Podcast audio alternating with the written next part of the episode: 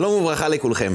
לפעמים מתגנבת לנו תחושה שמזל כנראה נפל אצל אנשים אחרים. יש אנשים שהחיים מוצלחים אצלם, יש להם משפחה טובה, הקדוש ברוך הוא חנן אותם בהרבה חוכמה, כל דבר שהם נוגעים מצליח.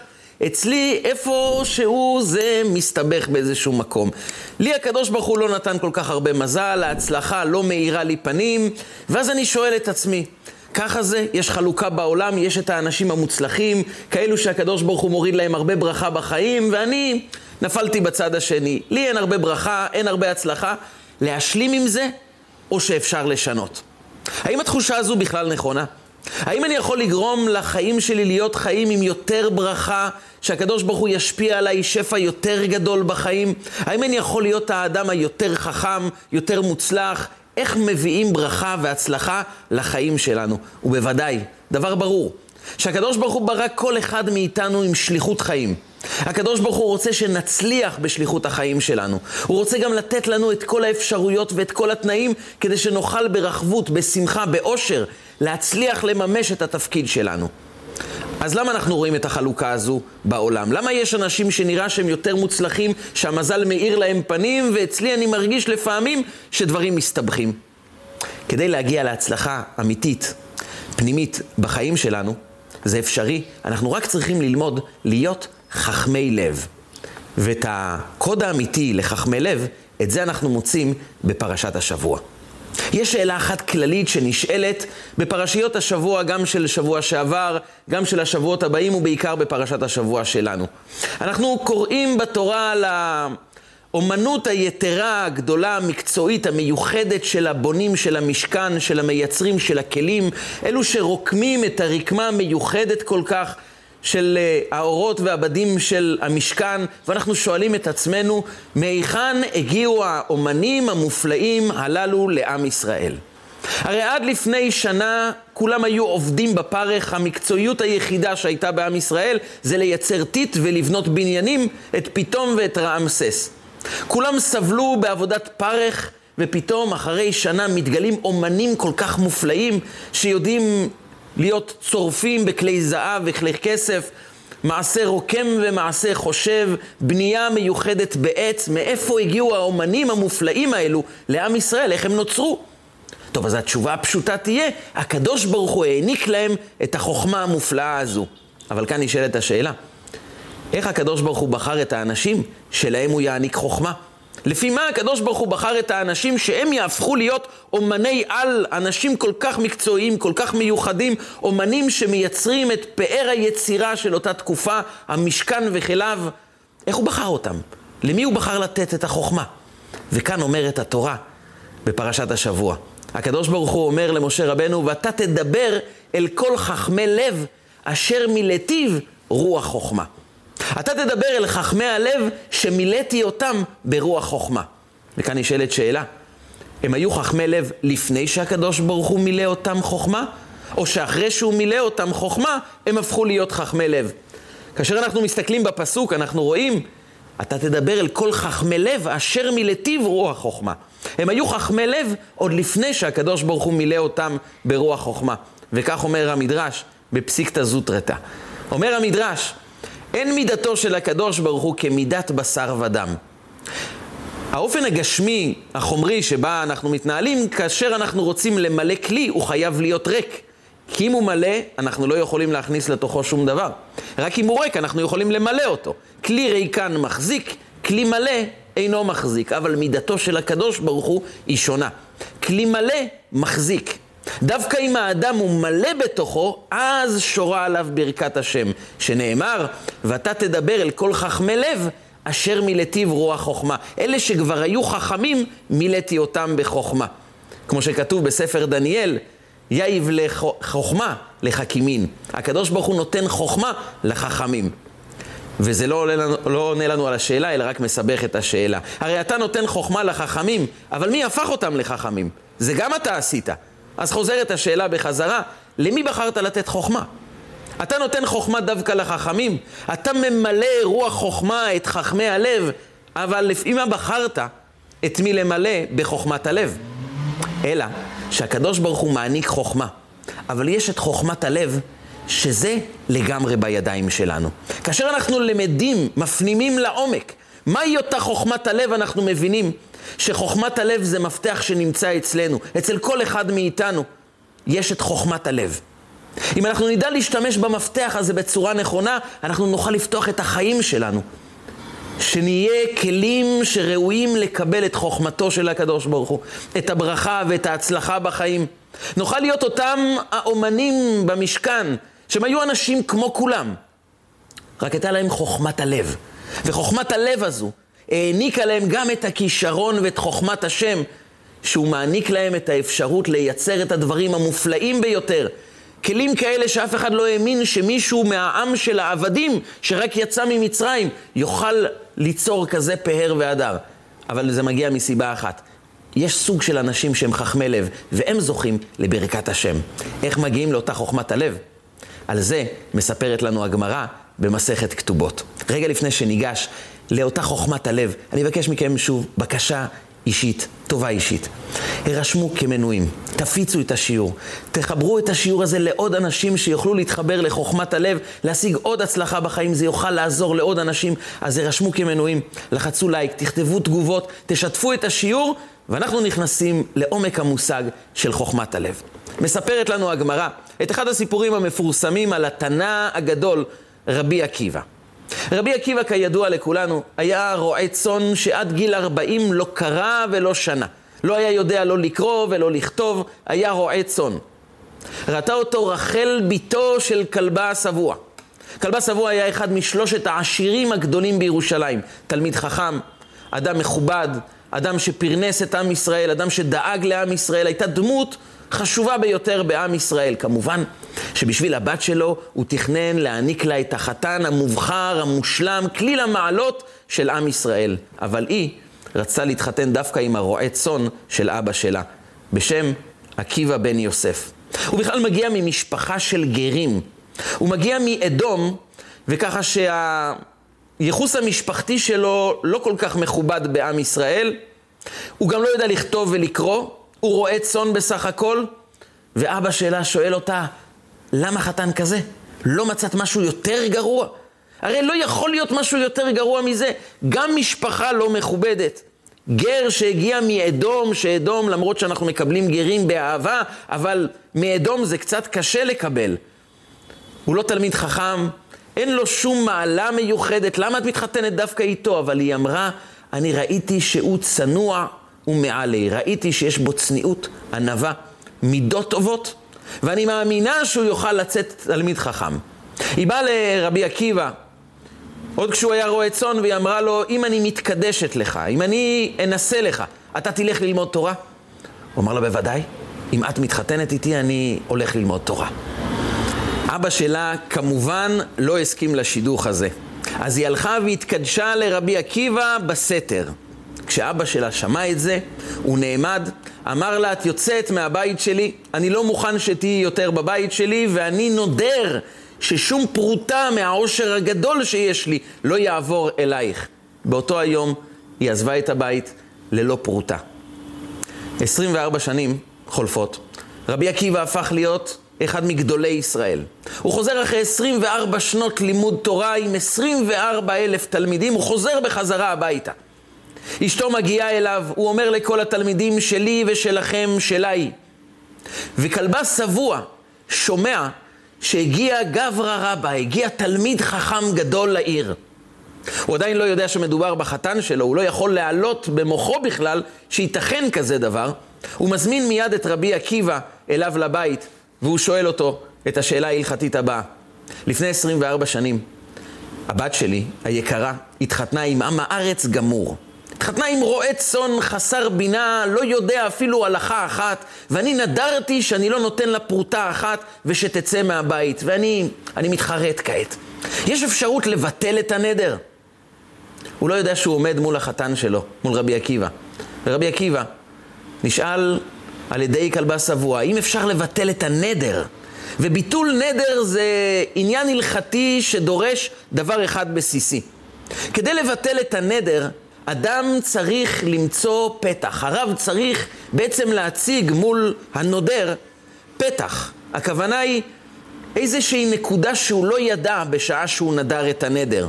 כלומר, אם היית יודע בשעה שנדרת את הנדר, נתון אחד שהיה נסתר ממך, אם היית יודע אותו, היית נודר? ברגע שאדם אומר, לא אם הייתי יודע את הנתון הזה, לא הייתי נודר, אז אנחנו יכולים לבטל את הנדר, כי בעצם הוא לא באמת התכוון לנדור את הנדר. ולכן רבי עקיבא מוצא פתח. הוא אומר לו, תגיד, אם היית יודע שאותו עקיבא בן יוסף רואה הצאן הזה יהפוך להיות תלמיד חכם, היית נודר את הנדר הזה? אומר לו כלבה שבוע, מה פתאום? אם רק היה יודע לפחות הלכה אחת, היה יודע לומר ברכת המזון כמו שצריך, לא הייתי נודר את הנדר. אמר לו רבי עקיבא, הנדר שלך מבוטל, זה אני הוא עקיבא בן יוסף. כלבה שבוע לא האמין למה שהוא שומע, ומיד הוא נפל, נשק את רגליו של רבי עקיבא, ונתן מחצית מהממון שלו לעקיבא, לרבי עקיבא ואשתו. וכאן שואלים בעלי התוספות שאלה הלכתית מאוד פשוטה. הנדר לא יכול להיות בטל בצורה כזו. הדרך לבטל נדרים זה לא על ידי נולד. נולד הכוונה היא שכאשר אנחנו אומרים לאדם, אם היית יודע שאותו אדם יהפוך להיות מישהו טוב, היית נודר, גם אם הוא יגיד, אם הייתי יודע שהוא יהפוך להיות אדם חשוב, לא הייתי נודר, הנדר קיים. כי נדר יכול להתבטל רק על סמך הנתונים של אותה שעה. זה נקרא אין פותחין בנולד. אנחנו לא יכולים לבטל נדר, למצוא פתח לבטל את הנדר, דרך זה שאם היית יודע שלעתיד לבוא יהיה משהו. הדוגמה שהגמרא בנדרים נותנת, אם אדם אמר, אני לא רוצה ליהנות מפלוני משום דבר, לא רוצה ליהנות ממנו. ואותו אדם הפך להיות שר חשוב. האם אנחנו יכולים לבטל את הנדר? כי הרי אם הוא היה יודע שאותו פלוני יהפוך להיות אדם חשוב, הוא לא היה נודר. אומרת הגמרא, הנדר קיים. כי זה נולד מאוחר יותר, אבל על סמך הנתונים שהיו באותה שעה, אתה נדרת והנדר קיים. זה שהוא הפך להיות אדם חשוב, אז אתה הסתבכת.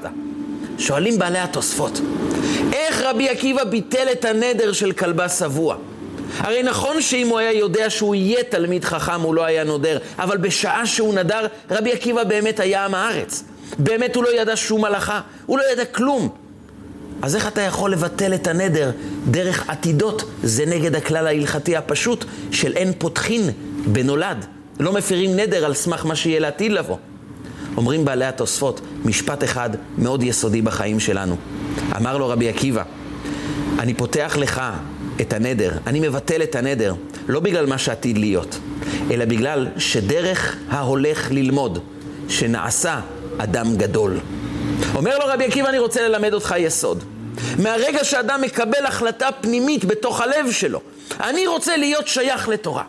אני רוצה שהחיים הרוחניים יהיו חלק ממני. גם אם באותה שעה הוא עדיין עם הארץ ולא יודע הלכה אחת, וכולם מסתכלים עליו בעין עקומה וכולם מסבירים לו ממך לא יצא שום דבר. אבל אתה יודע בתוכך שקיבלת החלטה בתוך הלב שלך. אני רוצה להיות שייך לתורה. אני רוצה שייך, להיות שייך לעניינים רוחניים. אומרים בעלי התוספות, הכלל העמוק של הבריאה הוא דרך ההולך ללמוד שנעשה אדם גדול. אומר לו רבי עקיבא, אני מבטל לך את הנדר לא בגלל שאחרי 24 שנים החתן שלך הפך להיות אדם גדול, אלא כי באותה שעה שאתה נדרת נדר, וידעת שהוא הולך ללמוד תורה, רק לא האמנת בו, כי היה חסר לך פרט אחד בסיסי שהיה קיים באותה שעה. מי שמקבל החלטה בתוך הלב שלו. מי שמרגיש את הלב שלו שייך ללימוד התורה, שהוא משתוקק ללמוד תורה. דרך ההולך ללמוד שנעשה אדם גדול, לא לעתיד לבוא, אלא כבר באותה שעה הוא הפך להיות אדם גדול. אומר רבי עקיבא, בשעה שנדרת את הנדר, לא ידעת שהחתן שלך הוא כבר אדם גדול. למה? כי בלב שלו הוא כבר קיבל החלטה שהוא הולך ללמוד תורה, שהוא הולך לקשר את החיים שלו עם לימוד תורה. זה מה שהופך אדם לאדם גדול. הברכה הגיעה בעקבות ההחלטה. כי הקדוש ברוך הוא יאיב חוכמה לחכימין. הקדוש ברוך הוא נותן חוכמה לאנשים שיש להם את חוכמת הלב. ומהי אותה חוכמת הלב? אותה הרגשה פנימית, אני שייך ללימוד התורה. הלב שלי נמשך לזה, אני מרגיש את זה בתוך הלב שלי, שזה חלק ממני. המדרש מספר באבות דרבי נתן פרק ו', שרבי עקיבא התלבט בתוכו עדיין אם ללכת ללמוד תורה, לא ללכת ללמוד תורה. רגע לפני שהוא קיבל את ההחלטה ללכת ללמוד תורה, הוא פשוט ראה ביער אבן עם חור מאוד עמוק, אבן חלולה. והוא שאל את האנשים, את העוברים והשבים, איך נוצר החלל, החור העמוק הזה בתוך האבן? מי אותו אדם שסיטט את החור הזה בתוך האבן? אמרו לו, אתה לא יודע? הטיפות מים שיורדות ללא הפסקה על האבן שחקו את האבנים. הוא אומר להם, מה, טיפה יכולה לעשות חקיקה כזו, לחפור חור בתוך האבן? אמרו לו, אתה לא מכיר את הפסוק באיוב? אבנים שחקו המים. מים יכולים לשחוק אבנים בהתמדה, טיפה אחר טיפה, הן יכולות לחדור ולחקוק בתוך האבן. מיד נסע רבי עקיבא קל וחומר בעצמו. רבי עקיבא התיישב בצד ונדהם לשמוע את מה שהוא שמע. הוא התחיל להתבונן בתוכו. הוא התחיל לחבר את המידע הזה לתוך החיים שלו ואמר, אם מים יכולים לחדור בתוך אבן ולחקוק בה, מי התורה ודאי יחדרו בתוך הלב שלי. מכאן הוא קיבל החלטה לצאת ללמוד תורה. כי רגע, הרגע המכונן הזה, שהוא הרגיש גם הלב שלי ראוי לקבל תורה. הוא הפסיק להסתכל על הנתונים מבחוץ. הוא הפסיק לומר לעצמו, אני מגיע ממשפחה מאוד פשוטה. הוא הפסיק לומר לעצמו, אני לא יודע כלום, אבא שלי לא חינך אותי. הוא הפסיק לומר לעצמו כמה הנתונים קשים, כמה כל התנאי חיים נגדי, אין לי סיכוי ללמוד תורה. הוא הפסיק להקשיב לאנשים מסביב, הוא הפסיק להקשיב לתנאי החיים מסביב, והתחיל להקשיב לקול החשוב ביותר שיש לנו בחיים. כל הלב הפנימי שבתוכנו. מהרגע שהוא הקשיב ללב שלו, מהרגע שהוא האמין, כן, הלב שלי אומר, מי התורה יחדרו גם בלב שלי. אולי כל העולם נמצאים מלמעלה. ומסתכלים עליי ואומרים, מה יצא ממך? אבל אני יודע שהלב שלי לא מכזב. אני יודע שהלב שלי הוא לב אמיתי. אני יודע שאת הקול של הלב שלי אף אחד לא יכול לכבות חוץ ממני. אם אני לא אקשיב לקול הזה, אז באמת לא יצא שום דבר. והקדוש ברוך הוא, יאיב חוכמה לחכימין. הקדוש ברוך הוא אומר למשה רבנו, אתה תדבר אל כל חכמי לב אשר מלטיב רוח חוכמה. אותו אחד שהוא חכם לב, שהוא יודע לשמוע את הקול של הלב שלו. שלא אומר לעצמו כמה קשה, אני בסך הכל עבד ממצרים, אני יודע להתעסק רק עם טיט ובניין, עם לבנים ואבנים כבדות. אין לי מושג איך אפשר עכשיו לגלף עץ בצורה מאוד מיוחדת. אני לא יודע איך לרקום עכשיו את הפרוכת הכל כך יפה של המשכן. אין לי מושג איך לייצר כלי זהב וכסף כל כך מפוארים. אנחנו תמיד יכולים למצוא תירוצים מאוד טובים למה אנחנו לא יכולים, אבל בחיים שלנו אנחנו תמיד בוחרים בין תירוצים טובים לתוצאות טובות. ורבי עקיבא לא חיפש תירוצים טובים, הוא חיפש לשמוע את חוכמת הלב הפנימית שלו. הוא ידע בתוך הלב, אני רוצה להיות שייך לתורה. אני מרגיש את זה, אני חש שזה שייך אליי. אני עדיין לא יודע איך אני הולך לעשות את זה. אני לא יודע מאיפה תבוא הברכה.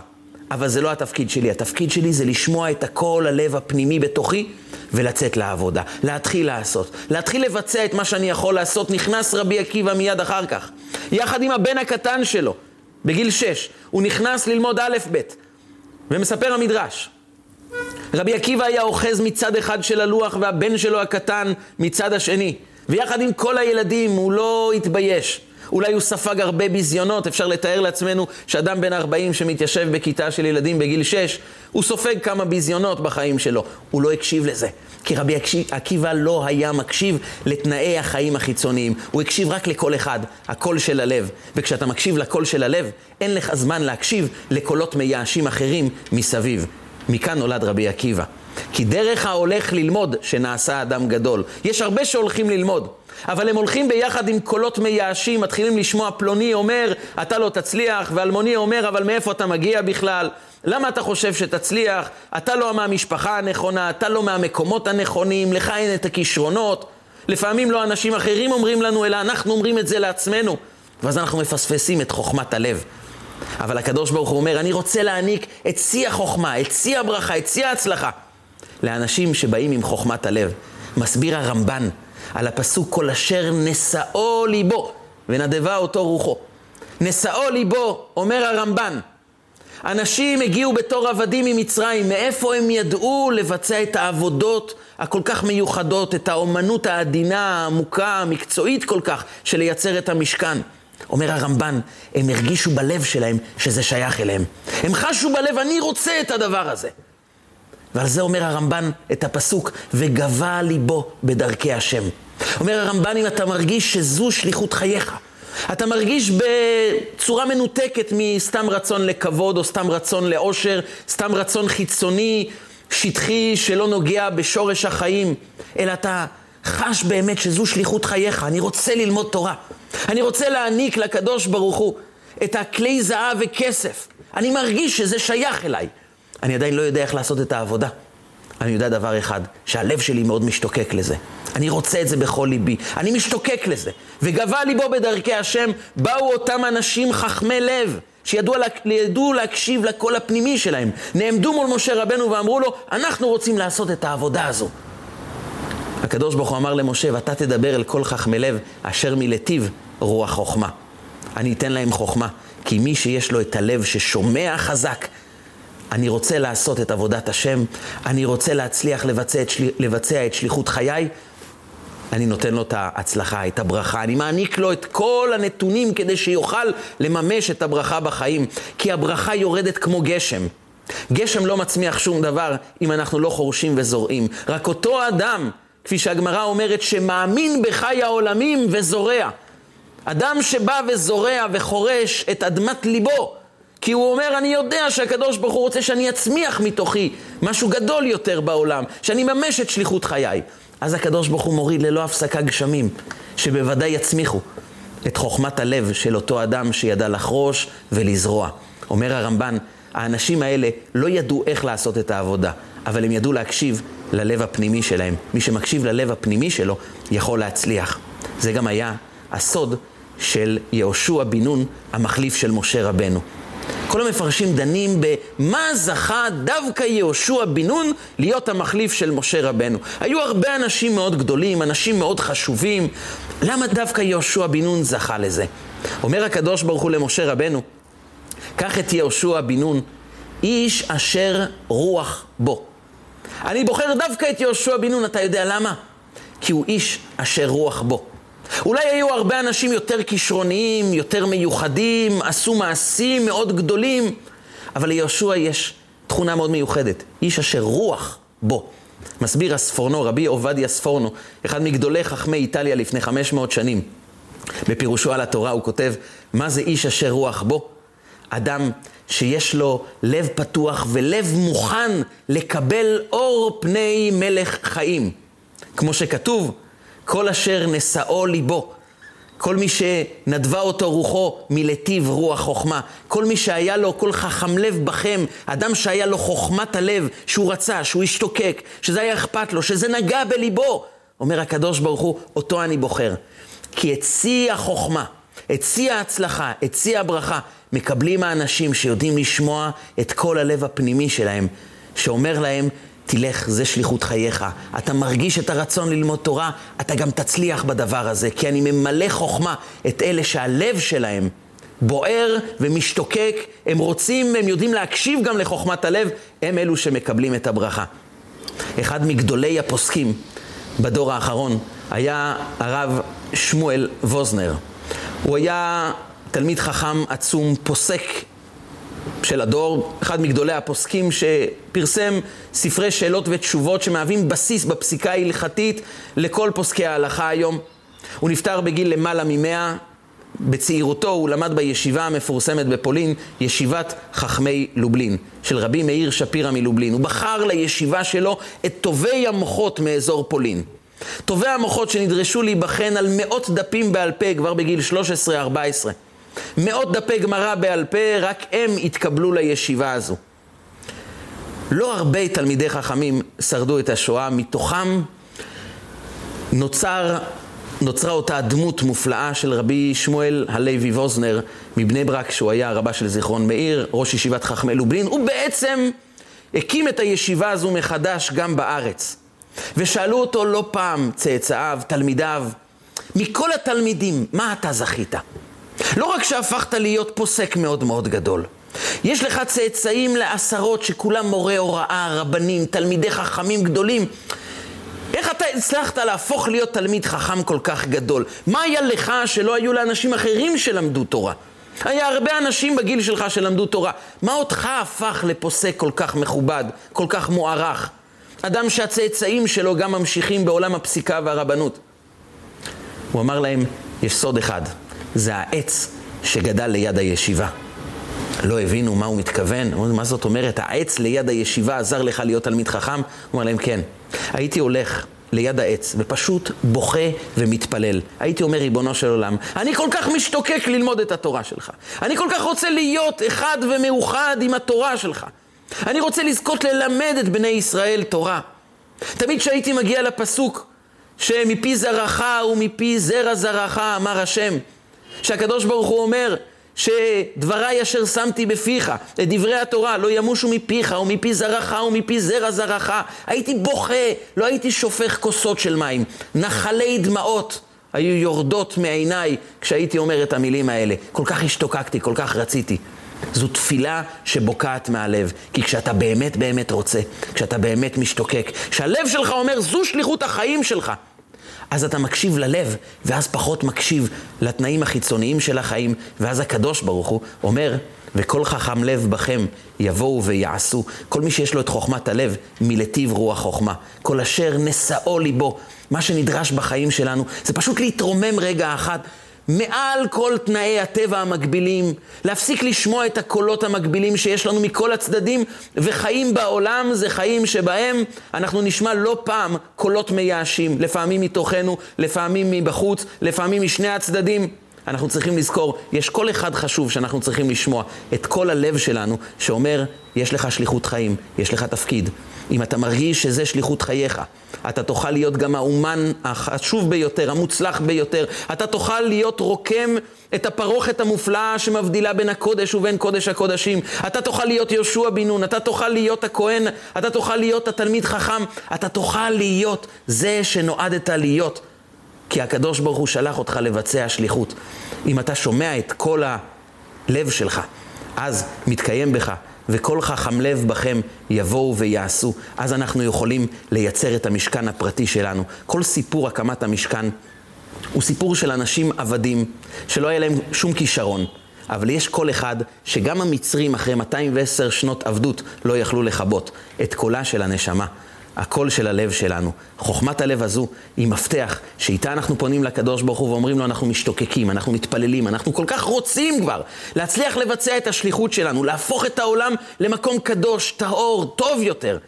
כאשר יש לנו את חוכמת הלב הזו, הקדוש ברוך הוא אומר, אני ממלא אתכם רוח חוכמה. ההשתוקקות שלכם מזכה אתכם שתקבלו גם חוכמה, גם הצלחה וגם ברכה כדי לממש את שליחות החיים של כל אחד ואחד מאיתנו, להכין את העולם לגאולה שלמה, לרגע שבו העולם יהיה מלא בחוכמת השם, שבו כל העולם כולו ידעו את הקדוש ברוך הוא בגאולה שלמה, עם משיח צדקנו שיבוא אלינו במהרה בימינו, אמן ואמן.